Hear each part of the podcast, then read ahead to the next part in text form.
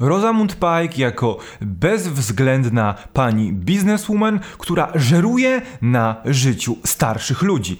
Dzisiaj porozmawiamy sobie o filmie O wszystko zadbam, a po angielsku I care a lot. Zapraszam. Cześć, witam Was bardzo serdecznie. Dzisiaj porozmawiamy sobie o filmie, który pojawił się 19 lutego 2021 roku na polskim Netflixie. Jest to film O wszystko zadbam w reżyserii Jaya Blakesona. Reżysera, który nie jest zbyt znany, bo jest to tak naprawdę jego pierwszy pełnometrażowy film, ale który widać wyraźnie, że czerpie z najlepszych twórców tego gatunku i o tym sobie za momencik porozmawiamy. Jest to film z Rosamund Pike, Aizą Gonzalez i Peterem Dinklage'em. Co ciekawe, ten film w Polsce, w Europie i w Ameryce Północnej i w Indiach można oglądać na Netflixie, a w innych częściach świata na Amazon Prime Video. Tak ten deal został zawarty, deal z twórcami i firmami produkującymi ten film, bo film był pierwotnie wyświetlany we wrześniu 2020 roku na Toronto International Film Festival i właśnie po tych wyświetleniach został zakupiony przez streamingi. O czym opowiada historia? Mamy do czynienia z Marlon Grayson, panią, która wyspecjalizowała się w stawaniu się prawnymi opiekunami ludzi starszych. Jej firma przejmuje prawa do kontroli nad tymi ludźmi, umieszcza e, ich w domach opieki i jednocześnie przejmuje ich majątek. Oficjalnie po to, aby opłacić ich życie e, i zaopiekować się całym ich dobytkiem, a tak naprawdę, aby czerpać osobiste korzyści. Jednak jednak pewnego razu Marla Grayson postanowiła zapolować na kobietę, która okazała okazała się idealnym kąskiem, bogata, bez rodziny, bez powiązań i przejęła nad nią prawną opiekę. Tą kobietą była Jennifer Peterson,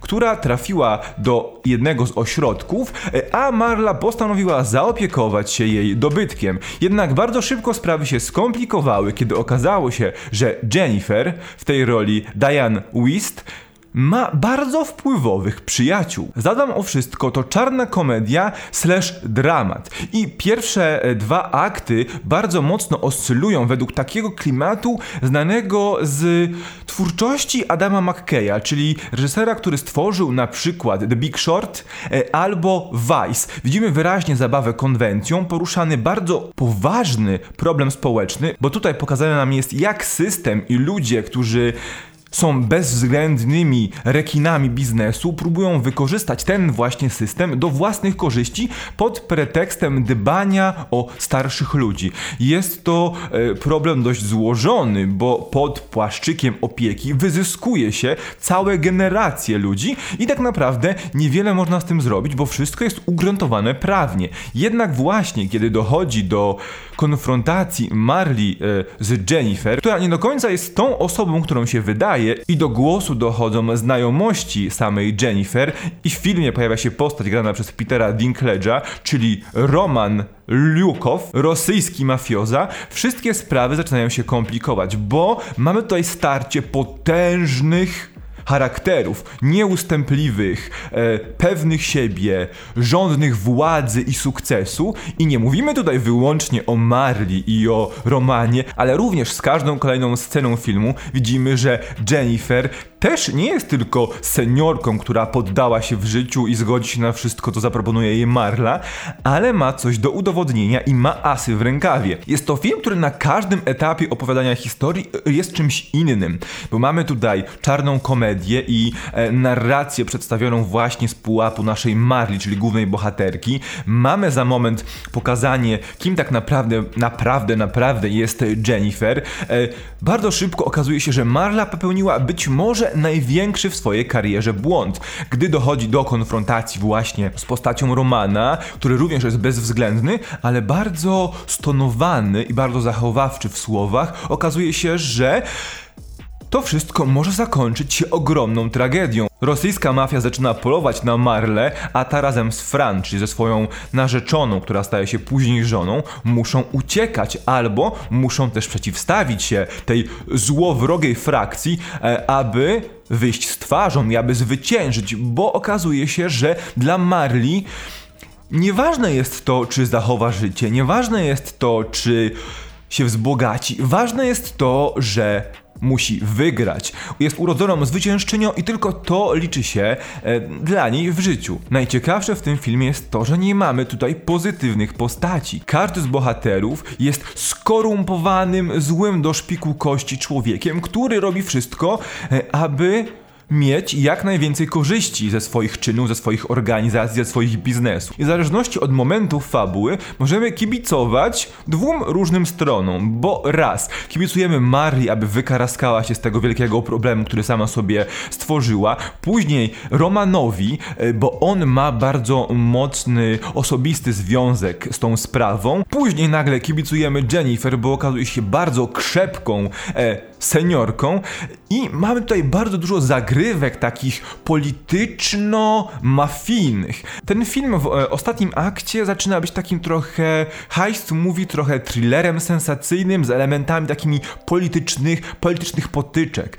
I wydawać by się mogło, że w pewnym momencie któraś z naszych stron, mimo że nie możemy z nimi sympatyzować, powinniśmy wręcz być zniesmaczeni tym, co widzimy na ekranie, musi zwyciężyć. Finał stara się nam udowodnić, że tak naprawdę w życiu wygrywają tylko bezwzględni ludzie, którzy po trupach dążą do realizacji swoich celów, ale na końcu kolejnym twistem jest morał, że tak naprawdę nikt nie ucieknie przed sprawiedliwością wszechświata.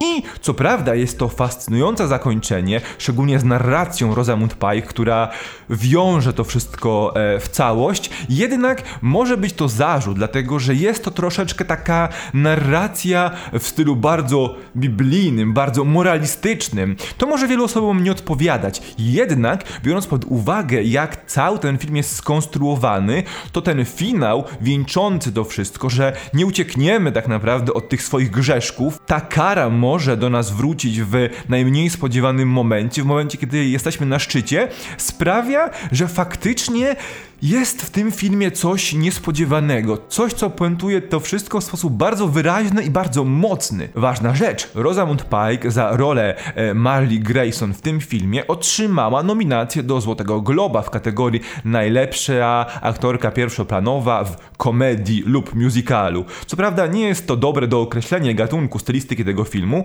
e, ale zasłużyła na tę nominację. Jestem ciekawy jak to przełoży się na przykład jeśli chodzi o nominacje Oscarowe. Ode mnie to tyle. Wydaje mi się, że ten film naprawdę jest warty naszej uwagi, bo znajdą w nim coś dla siebie fani wielu gatunków, czy to tego ironicznego, czarnego humoru, czy też akcji, czy filmów sensacyjnych, czy nawet tego kina moralizatorskiego. Mam nadzieję, że po tym materiale sięgniecie po ten trwający niespełna dwie godziny film.